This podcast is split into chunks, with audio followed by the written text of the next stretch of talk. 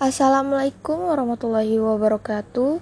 Introduce my name is Marvina Adelia NIM 21 blank 3 blank 2 blank blank blank 1 from grade 21A Mathematics Education. Today I will read the text Are zoos a good thing? Zoos are highly popular attractions for adults and children alike. But are they actually a good thing? Critics of Zoo's world argue that animals often suffer physically and mentally by being enclosed. Even the best artificial environments can come close to matching the space, diversity, and freedom that animals have in their natural habitats. This deprivation causes many zoo animals to become stressed or mentally ill. Capturing animals in the wild also causes much suffering by sp splitting up families. Some zoos make animals behave unnaturally. For example, marine parks often force dolphins and whales to perform tricks this mom, this mom's mom, mammals, mammals, my die decided earlier, earlier than their white relatives, and some even try to commit suicide.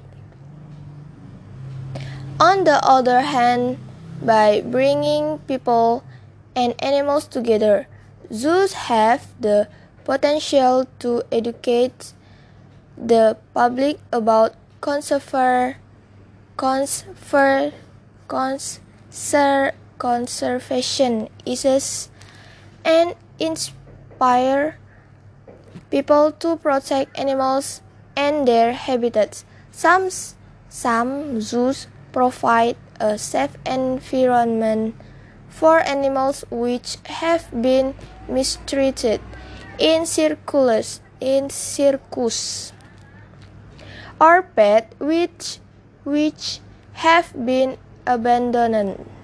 Abandoned.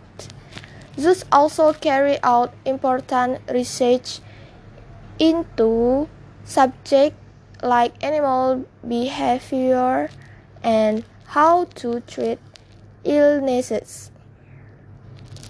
One of the most important modern function of zoos is supporting international breeding programmers, programmers, particularly for endangered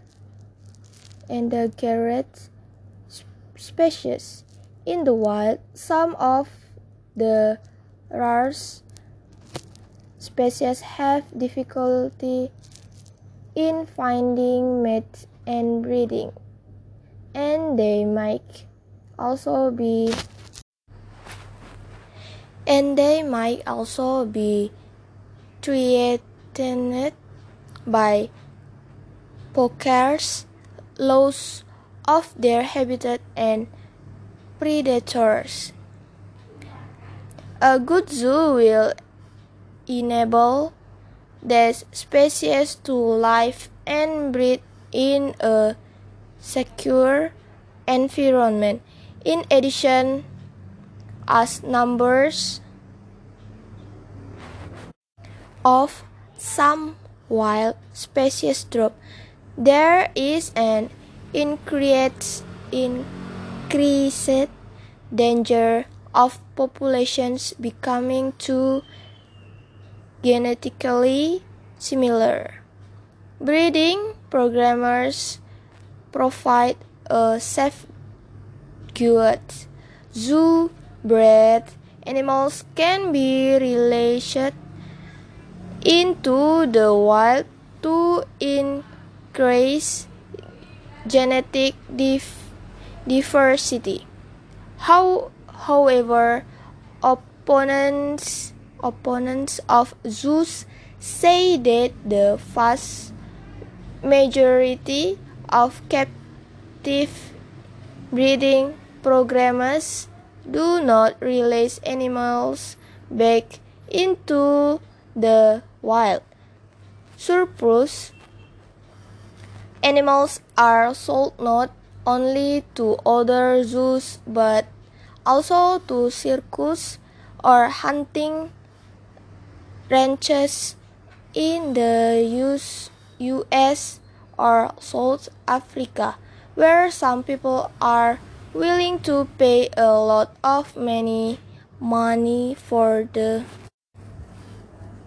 where some people are willing to pay a lot of money for the change to kill an animal in a fenced enclosure enclosure sure often these animals are familiar with humans and have very little chance of escaping.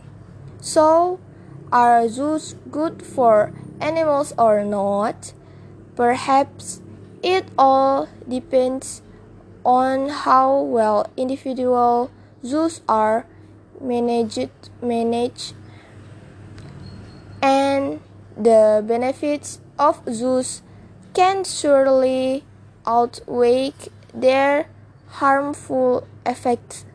However, it is understand, understandable that many people believe imprisoning animals for any reason is simply wrong. Okay, I have finished reading the text and sorry if I read it still not correctly and spell it uh, I apologize apologize. Thank you. Assalamualaikum warahmatullahi wabarakatuh